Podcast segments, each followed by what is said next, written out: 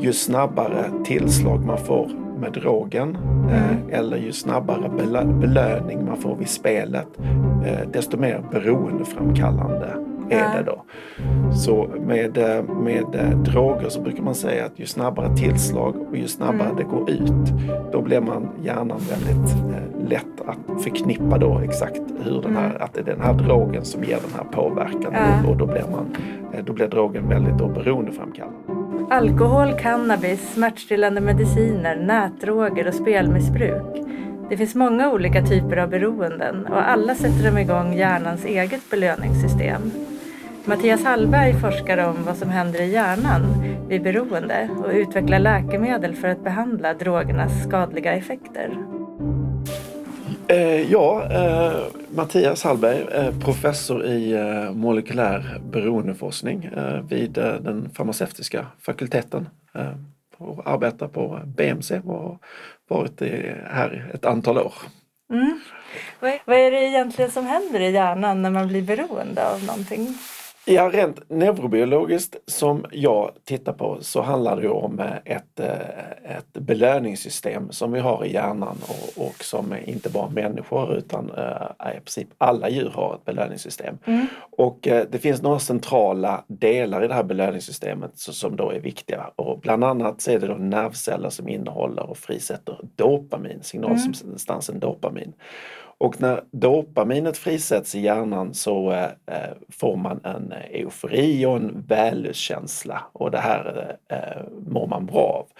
Och här har vi då ett antal eh, naturliga belöningsstimuli eh, som vi rent evolutionärt använder för att föra arten vidare. Och det kan handla om att, eh, att när man äter någonting riktigt gott Eh, så kan det frisättas dopamin, man kan känna en viss eufori. Om man har sex kan det kännas som att man, eh, att man eh, får en eufori. Men det kan även vara andra saker som att kanske framgång kan ge, ge, den här kicken eller eh, risktagande för vissa personer kan också vara då, eh, viktigt att eh, generera det här. Sen belöningssystemet som vi har då med dopamin det är ju reglerat då av en massa andra system så att kroppen är ju, eller hjärnan är så finurlig att, att om det blir för mycket dopamin, ja men då har vi reglerande system med, med små GABA-nervceller som, som eh, inhiberar. Så får vi för mycket aktivitet då kommer GABA slå till och bromsa ner det här. Och hela belöningssystemet sen, eh, om man ska förenkla, är sen reglerat av endorfiner. Mm. Och endorfinerna har ju många eh, hört talas om, man pratar ofta om endorfiner vid träning Ja. till exempel. Om man, om man tränar så frisätts det eh, endorfiner. Och de här endorfinerna, när vi tittar på dem så, så kan vi dela upp dem i så att säga, stimulerande endorfiner och inhiberande endorfiner. Eh, och eh, vi har de här då i båda så att säga, delarna av eh, belöningssystemet. Så att, men de endorfinerna som man liksom får, får vid träning, då handlar det om beta-endorfinerna, eh, enkefaliner. De i sin tur har också en hämmande effekt men de hämmar den här bromsen. Så att eh, endorfinerna hämmar en broms som i sin tur kommer göra att vi får då en skjuts med dopaminet. Så när endorfinfrisättningen kommer, ja men då kommer dopamin att, eh, att frisättas då. Och, och det är samma system som också då eh, olika droger Ja. ibland påverkar. Mm. Hur då? då? De, de går in och påverkar? Ja, vissa, bero, precis, beroende på vilka droger man, man tittar på så antingen så, eh, så har vi eh, droger som direkt stimulerar eh, eh, frisättningen av signalsubstans. Där har vi de drogerna som vi kallar för centralstimulerande droger med kokain och, och metamfetamin och amfetamin och ecstasy. De verkar i slutet på nervcellerna och ser till att eh, de här signalsubstansen som ligger i, i nervcellerna frisätts eh, och ger en direkt stimulering då så att man får en jätteeufori. Så det går fort då? Så det går fort och det går snabbt. Så från det att man tar drogen till att det kommer in i hjärnan så går det väldigt, ofta väldigt snabbt innan man får effekt. Men sen har man andra droger som ligger och verkar mer på det här inhibe, inhiberande sättet att de bromsar eh, GABA. Och, och där har vi eh, droger som eh, eh, opiater, eh, opioider, eh, med morfin och heroin men även cannabinoider som jag, i marijuana och, och så vidare. De ligger och eh, hämmar den här GABA-hämningen som gör att det blir så att säga, det har en mer indirekt effekt men det kommer också ge en skjuts då i, eh, i dopaminet i hjärnan. Men, men eh, på ett lite mildare sätt än vad de centralstimulerande drogerna gör. Och du forskar ju en hel del om, om olika drogers effekter då i hjärnan. Och, och idag diskuteras det ju mycket om cannabis och det legaliseras i allt fler länder. Hur ser du som forskare på det? Ja, jag, jag försöker... Jag, utvecklingen tycker jag är lite oroande men, men jag försöker väl inte att, eh, att, eh, så att säga, lägga några eh, värderingar Nej. eller någon politisk värdering i, Nej, just i hur man ska göra. Men vad man vet är ju att om, om, om, eh, om en drog blir väldigt tillgänglig ja, då kommer eh, det troligtvis vara så att man använder drogen eh, mer. Eh, och skulle man legalisera ju sänder man också ut ett, ett budskap att, att den här drogen är ofarlig. Eh, och att eh, man då kan använda den. Det finns också risk då att yngre, ju mer ökad tillgänglighet, att yngre kommer börja använda drogen. Även om man då sätter en åldersgräns på vad det nu skulle vara 18 eller 20 eller 21. Ja. Eh, Så, så oberoende det så kommer det ju då vara mer tillgängligt. Men, men s- rent, om man tittar bara rent neurobiologiskt med, med, med cannabinoiderna så eh, om man ser eh, de aktiva substanserna som finns i marijuana och i hasch, eh, de binder ju till eh, receptorer eller mottagarenheter i hjärnan som finns i regioner som styr känslor och som framförallt styr eh, inlärning och, minnesfunktioner. Och ser man bara på var finns de här receptorerna i hjärnan och eh, eh, om man då hela tiden eh, skulle utsätta de här receptorerna för stimulans så kommer man ju få eh, en, en påverkan på hjärnan. Och det kan ju vara till exempel eh, en nedsatt eh, motorisk förmåga eller en nedsatt eh, kognitiv förmåga eh, för, som kan då är värre hos vissa individer än, eh, än, än andra. Eh, Så att om man hela tiden, om man hela tiden med, med stora mängder cannabis då kommer att utsätta hjärnan för det så kommer man ju få en, en, en påverkan. Sen är det givetvis eh, upp till varje individ och, hur mycket man använder. Mm. Ja, och eh, just inom det här området så, så kommer det ju hela tiden nya droger eller det utvecklas nya typer av droger som, som säljs via nätet och så. Och eh, hänger ni som forskare med i, i den här utvecklingen av eh, nya droger som kommer? Och... Jo, vi försöker väl att, eh, att eh, hålla oss uppdaterade på det. Ehm, eh, Det kan väl låta som att det kommer väldigt mycket nya droger men egentligen så är det väl ett antal klasser eh, Ja. där det kommer nya droger. De är uppbyggda för De är uppbyggda, de, de, eh, säga, de första så, här, eh, vad man säger, designerdroger eller internetdroger eller nätdrogerna. eh, De, de byggde runt eh, amfetamin så att man hade amfetamins kemiska grundstruktur och så gjorde man små modifieringar på detta. Och eh, det kunde göra då att man fick en viss, eh, eh, en viss effekt som, som kanske skilde något men som i princip var, var samma eh, grund. Eh, för några år sedan så kom ju, kom ju det vi kallar för SPICE och SPICE-analogerna och det är ju eh, det är ju då cannabis eh, eh, eh, substanser, syntetiska cannabissubstanser. Men medans den, aktiv, den mest aktiva beståndsdelen i cannabis är något som heter THC eller tetrahydrocannabinol. Den kan bara partiellt aktivera receptorerna. Den aktiverar inte alla receptorer utan även om man tar väldigt mycket så kommer inte alla då receptorer bli aktiverade.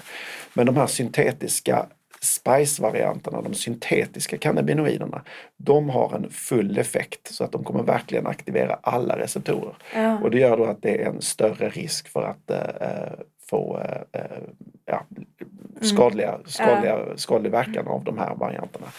Och de här spice-varianterna de har ju kommit i en mängd eh, olika. Eh, och eh, eh, beroende eh, på hur de ser ut och, och Mm. hur de fungerar så har man de då blivit olika eh, populära. Ja. Men man kan säga att, att det, det kommer nya och sen så försvinner de lite beroende på eh, narkotika, Mm. när de blir narkotikaklassade. Ja, ja. Ehm, om, om vi inte har dem, så att säga, om de inte är upptäckta tidigare, de är helt nya, Mm. så är de från början inte ja, narkotikaklassade. då går det bra att sälja dem. Precis, då går det bra, då, då säljs de och sen när man upptäcker dem så eh, narkotikaklassas de i Mm. efterhand. Men ofta kan man bara göra en liten kemisk modifiering, att man lägger på någon liten eh, Mm. kolatom. Och då har man en ny substans som man vet kommer verka på exakt samma sätt. Mm. Eh, men som då inte är narkotikaklassad ännu. Mm. Och på så sätt ligger man ju hela tiden, eh, ligger man ju hela tiden efter. Eh, Ja, just det. Eh, Nu var det för något år sedan, om det var två år sedan, så kom det ju ett eh, rättsfall vad det gällde fentanylerna och fentanylanalogerna och det, och det här är Mm. ju opioider Ja. och, och oerhört potenta opioider. Eh, då så såldes de här eh, via nätet lättillgängligt Mm. och eh, man hade den här problematiken med att man narkotikaklassade en och sen så kom nästa och så skulle Ja. man ta den också. Eh, Men då, då dömdes eh, två av de här eh, försäljarna, de dömdes för vållande till annans död Mhm. för att man tyckte då att de kunde faktiskt, eller de visste faktiskt om att de här var Ja. dödliga i då väldigt, väldigt Mm. små doser. Så då gick det att komma Så det gick då att komma runt det men, men det, det är mig veterligen bara ett rättsfall Mm. som, vi, som vi har så jag vet inte om det kommer fungera på, på andra droger men för fentanylerna eh, fungerade och de här oerhört potenta eh, Mm. drogerna. Och det gjorde ju att, att också att missbruks eh, eh, antalet dödsfall som vi, som vi hade vid, under 2000 eh, om det var 15, 16 och 17 så var det Mm. ungefär 100 eh, fentanyldödsfall per år i Sverige. Oj. Och eh, efter den här eh, domen då, Mm. eh, då försvann de här, väldigt många av de här fentanylanalogerna på marknaden och dödligheten gick ner betydligt. Ja. Sen har det väl börjat komma krypande igen men, men det Mm. var en märkbar effekt av den Ja. här domen.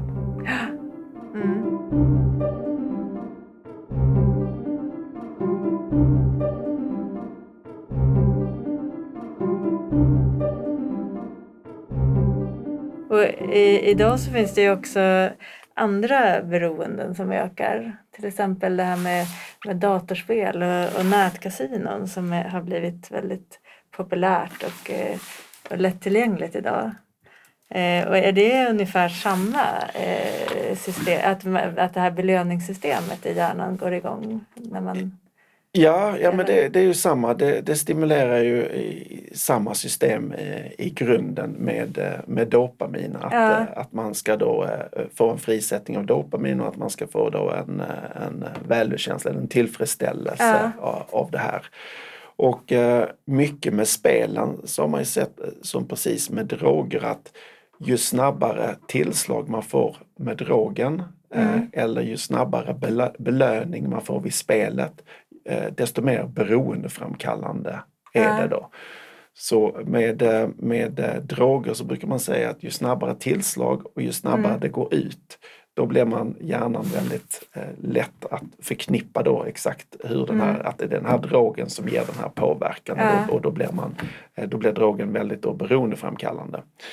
Eh, Med spel är det samma sak, att eh, man har sett det att om man har kort tid mellan då man satsar till man får sin belöning eh, så kommer det ge då en, ett ökad, bara Mm. ökad beroende. Då.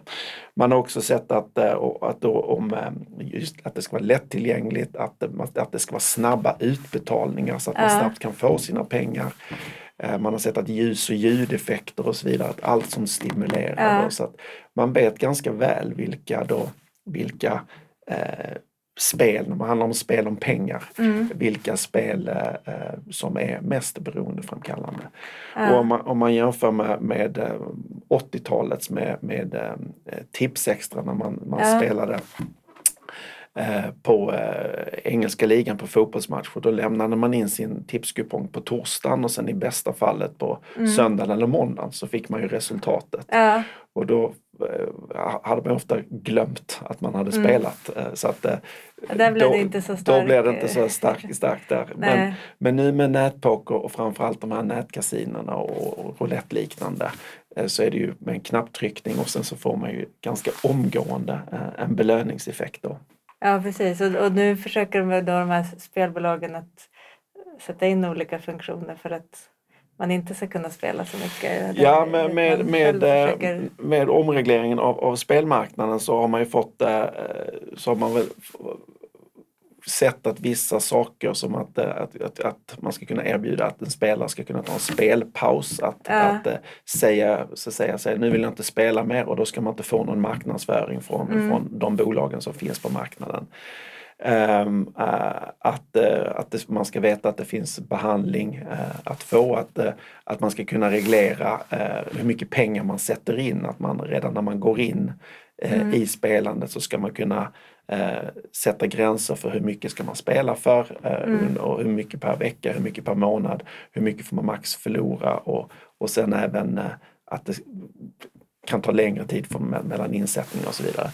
Så man försöker väl arbeta eh, eh, på det men sen eh, har vi ju de som, som har svenska spellicenser men sen finns det ju fortfarande möjlighet att spela på, på utländska då men, men eh, det har väl blivit en, en viss förbättring då. Mm. Men eh, det är ju en oerhört hård marknadsföring vad det gäller eh, spel om pengar.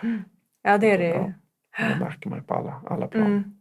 Och, och vilka är det då som drabbas av spelberoende? Är det, är det, en, är det några, några som är speciellt känsliga? Och är det samma personer som riskerar annat drogberoende? Till viss, till viss del, eh, om man ser till spel om pengar så är det ju eh, att, att vara man. Det är en Mm. riskfaktor att eh, ofta unga Ja, det vuxna. det. det kan ofta finnas en, en samsjuklighet med annat beroende också. Ja. Viss del. Eh, det kom en studie för något år sedan som visade att, eh, för två år sedan som visade att ja, men genetiken spelar eh, Mm. stor roll här. Att ungefär eh, 40 procent då eh, är, är en genetisk faktor Aha. vad det gäller om man la- landar då i spelberoende. Mm. Men om man till spel om pengar så det är ju relativt få av de som spelar som Mm. då, eh, som då eh, eh, eh, landar i, i, ett, i spelmissbruk. eh, Och man brukar säga, eh, och, och om man tittar på siffrorna bara på eh, spelande så ser Mm. man ju att om det är 2 uh, av spelarna som står för Mm. 50% av alla så att säga, omsättningen på, Ah. de här, eh, på, på de här spelen. Alltså att det, är få spelare som, som så att säga, dominerar Ja. marknaden och de spelar väldigt, väldigt hårt. Ja. Eh, Men ja, absolut, det finns kopplingar Mm. eh, till annat beroende Ja. eh, också. Och vad är det mer som spelar roll då än, än genetiken? Är det, vad är det annat för faktorer? Tillgängligheten, tillgängligheten är ju, är ju en som, sak som styr. Men om man ser till beroende eh, generellt, eh, spel eller om man ser droger, så brukar, man prata om, eh, brukar vi prata om tre ben i, Mm. i det här med beroende. Och det ena är genetiken och eh, eh, genetiken kan stå för en, en viss del. Här. Ja. Med spel nämnde jag nu att, eh, att 40 procent Mm. genetik. Eh, för droger ibland säger man någonstans mellan 25 till 50 procent beroende på, på drog.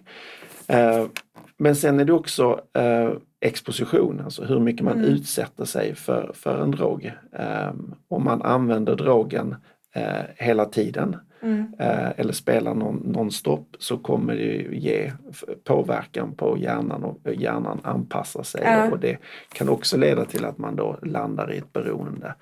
Och sen är det miljöfaktorer. Eh, miljöfaktorer i form av, eh, eh, det kan vara kompistryck, det kan vara vilket familj, vilket nätverk man har runt omkring sig. Mm. Det kan vara tidiga upplevelser, barndom och, och så vidare. Som styr då de här miljöfaktorerna. Så att beroende då eh, eh, styrs väl egentligen av de här tre bitarna. Eh, att, eh, med genetiken, med miljön och expositionen. Mm. Och eh, lite beroende på där vad man har eh, det kan vara två individer som, som har använt exakt lika mycket droger. Mm.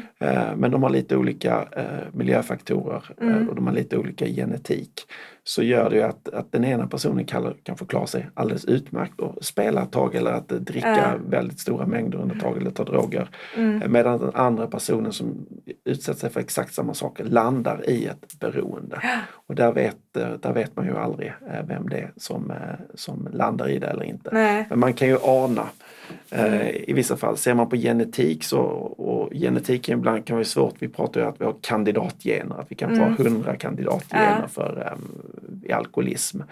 Eh, och eh, det finns ju inte en enda gen utan då kan det vara att den ena genen påverkar och en annan påverkar Ja. också lite och så får man dra någon slags totalslutsats. Men man kan ana då om man, om man ser i familj och så vidare att man har Mm. alkoholism i familjen, ja, men då kan man ana då att man har större risk då att eh, landa i ett beroende. Men, men det behöver ju inte vara så Nej. beroende på vilka, hur mycket man utsätter sig för eh, drogen och vilken Mm. miljö man har eh, eh, runt omkring sig.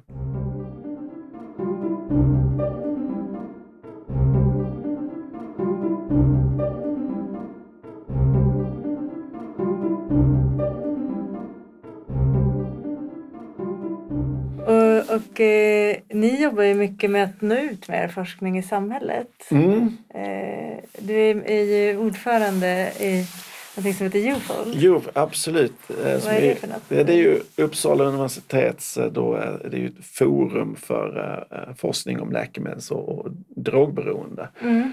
Eh, där vi eh, försöker nå, ska skapa ett regionalt samarbete där eh, forskare eh, och fa- fackmän och, och olika personer som är intresserade om Mm. drogfrågor eh, möts för att diskutera och för att sprida kunskap. Vi har ju satsat mycket på seminarieserier. Vi har haft eh, ofta seminarier, eh, stora alltså höstseminarier i aulan eller vi har haft eh, mindre seminarieserier eh, eh, runt, om, eh, runt om i Uppsala eller runt om eh, egentligen hela Uppland. Ja. Vi har varit på Gotland och gett seminarieserier i våras, ett, ett antal seminarier om aktuell beroendeproblematik och Mm. aktuella beroendefrågor. Eh, och det är någonting vi fortsätter med och det, jag har sett att det, det är viktigt att vi att vi då eh, som forskare kommer ut med forskning och, Mm. och diskuterar med, med framförallt politiker men även med jurister och poliser och behandlingshemspersonal och eh, andra som är intresserade av de här frågorna. Så Mm. att vi försöker skapa då eh, mötesplatser, eh, vilket jag tycker vi har gjort då också framgångsrikt och fått stort genomslag. Mm, så då kan ni komma ut med er kunskap? Då kommer vi ut med vår kunskap eh, och, och eh, vi bjuder in, vi försöker eh, fånga upp aktuella frågor och sen så bjuder vi in då i de här seminarierna personer som kanske har någonting nytt spännande att diskutera. Mm. Och så lyfter vi de frågorna och sen försöker vi i princip alltid också att få en koppling då till politiken så att vi verkligen faktiskt kan få någonting att hända. Ja. Eh, Almedalen är ju någonting som vi också haft en, en stor aktivitet eh, med eh, ett antal, fem, sex, sju seminarier, flera år på, på raken, välbesökta seminarier. Där vi just då alltid har med politiker och, diskuterar de här frågorna. Och alla de här seminarierna går att, se efterhand Mm. på Medfarm Play. ja, och tycker du att det har gett resultat då? Att det har lett till att det händer saker? Ja, eh, ju alltid svårt att säga, säga vad, som, eh, vad det är som leder eh, Mm. till, till någon specifik sak. Men, men jag tycker vi har nog bidragit till att skapa en medvetenhet om, eh, om Ja. viss drogproblematik. Och, eh, vi har vid ett antal tillfällen så har vi haft seminarier som, eh, som det har börjat skrivas om eh, väldigt mycket eh, i, direkt efter och i frågor som Mm. är då i anslutning. Som vi känner att vi har varit med och lyft frågan. Och allting bygger ju på att det då också kommer journalister såklart Mm. också är med om man ska få en spridning. Ja, Eller att vi själva skriver insändare och så vidare. Mm. Och ställer upp i intervjuer. Ja, och, och du i din forskning så, så utvecklar ju du olika läkemedel då som kan användas mot Ja, precis. Vi, vi vi ja, det kan man väl säga. Ja. Precis. Vi försöker i alla fall att eh, hitta eh, kandidatsubstanser som man skulle kunna tänka sig att de kan bli läkemedel Mm. så småningom. Eh, men vi, vi, mycket av forskningen baseras då på eh, kunskapen då om eh, till exempel opioider eller, eller mm. Eh, eh, andra droger, anabola steroider eller cannabinoider. Mm. Att man vet att många av de här drogerna har en påverkan på eh, kognitiva funktioner med inlärning och minne. Och eh, om man använder drogerna över lång tid så kommer man få en, så att säga, en, en påverkan ja. på de här eh, funktionerna. Och vad vi då vill göra forskningsmässigt det är att också reversera de här skadorna så att vi försöker att hitta substanser då som, eh, som vi, eh, eh, där vi kan nybilda nervceller så att vi kan skapa nya kopplingar. Så att om drogerna har, har tillbakabildat nervceller och gjort att man har fått en skadlig verkan på cellen överlag så försöker vi med de här substanserna då att reversera skador. Ja, det låter ju fantastiskt. Och det, det, precis. Och, det, och, ja, och rent på, på cellnivå och så vidare så, så har vi ju superspännande eh, resultat då, mm. som, eh, som går framåt. Men sen givetvis så det är ju en lång process att ja. Eh, ta fram läkemedel. Är man ute och pratar så får man ofta frågan om ja men när kommer det här? Och, och då är mm. vi ju precis i starten. Så att, eh, det kan ta några Ja det kan ju ta upp, man brukar väl säga från idé till produkt 12 till 15 år ja. brukar det ta att utveckla och vi, vi är i starten. Mm. Så det är det ena. Eh, ett annat projekt som vi har som vi tittar på det är ju eh, projekt vid eh, neuropatisk smärta eller smärta mm. generellt. Där. Framförallt neuropatisk smärta så, så, finns det inte så mycket bra behandling. Nej. Den behandlingen som finns den är inte så välfungerande och eh, det är få som får så att säga, en, en, en tillfredsställande eh, smärtstillande effekt. Då. Vi har ju också med många eh, andra smärtpreparat som en beroendeutveckling mm. och då tittar vi på med, eh, nya mål eh, där vi försöker hitta nya substanser som ska kunna då verka utan att vara beroendeframkallande och som ja. kanske kan lindra då neuropatisk smärta. Ehm, och ehm, där är vi också på gång med, med, med, flera spännande projekt som vi, som vi jobbar framåt. Men det, mm. det, det, tar sin lilla tid. Ja, och där finns det ett väldigt stort behov idag, eller hur? Att det är många som blir beroende av, av Det finns det, det finns precis. Eh, det, man hör ju oerhört mycket, kanske mest från USA hör man ju nu med, med den opioida krisen där de verkligen har alltså en otrolig mm. kris med om det är 130 personer per dag som, eh, som dör eh, i eh, opioida överdoser. Och man räknar med att även närmsta tio åren eh, så kommer det vara, eh, om jag läste någonting, upp mot 500 000 som, som eh, troligtvis kommer över, eh, eller som dör i, i överdoser där ja. innan man har fått problemet under kontroll. Mm. Eh, sen vet jag inte om, om det blir så mycket men vi har ju inte mm. det problem, det, riktigt den problematiken finns ju inte i Sverige eller den, den finns ju inte mm. alls i Sverige utan men vi har ju en opioiddödlighet, eh, mycket har berott på fentanyl, fentanylanaloger. Ja. Eh, men, men inte alls i den omfattningen. Jag tror inte vi kommer landa där heller. Eller, kan vi säga ganska starkt. Nej, vi kommer inte landa där. Mm. Eh, men, eh, men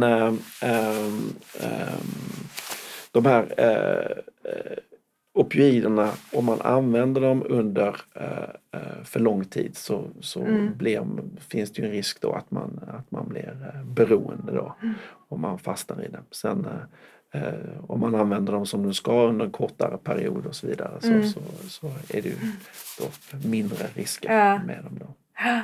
Alltså det låter som du har gott om arbetsuppgifter kan man säga. Då. Jo, jo nej eh, flera. Det finns, finns mycket att, Det finns flera, det finns flera saker att göra. Eh, forskningen är, ju, är ju en bit som är så säga, en av huvudbitarna men som är oerhört rolig och stimulerande. Men sen är det ju då att eh, eh, vara ute och eh, prata med det omgivande samhället och, och sprida kunskapen mm. också som, eh, som vi jobbar en, en hel del med. Och sen ska man inte glömma eh, grundkurserna och, och, ja. och, utbildningen ju, mm. som, eh, där vi också just pratar om beroende. Där mm. undervisar jag mycket på, eller undervisar på apotekarprogrammet och på receptarieprogrammet och med flera mm. program.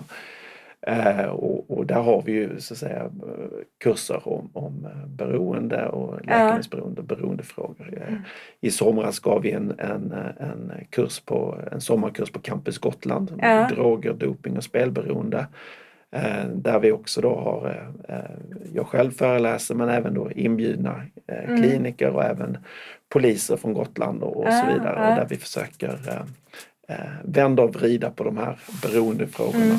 så mycket det går då ur ett, på, en, på en grundnivå. Ja. Så att, ja. Ja, men det har varit jättespännande att höra vad du håller på med. Ja. Tack för att du kom hit. Tack själv. Tack. Du har lyssnat på Forskarpodden med forskaren Mattias Hallberg. Följ oss på iTunes eller andra poddläsare.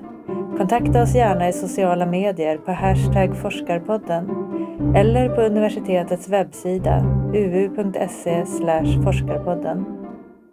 Jag heter Annika Hult och Forskarpodden produceras av Uppsala universitet med musik av Marcus Sjöblom.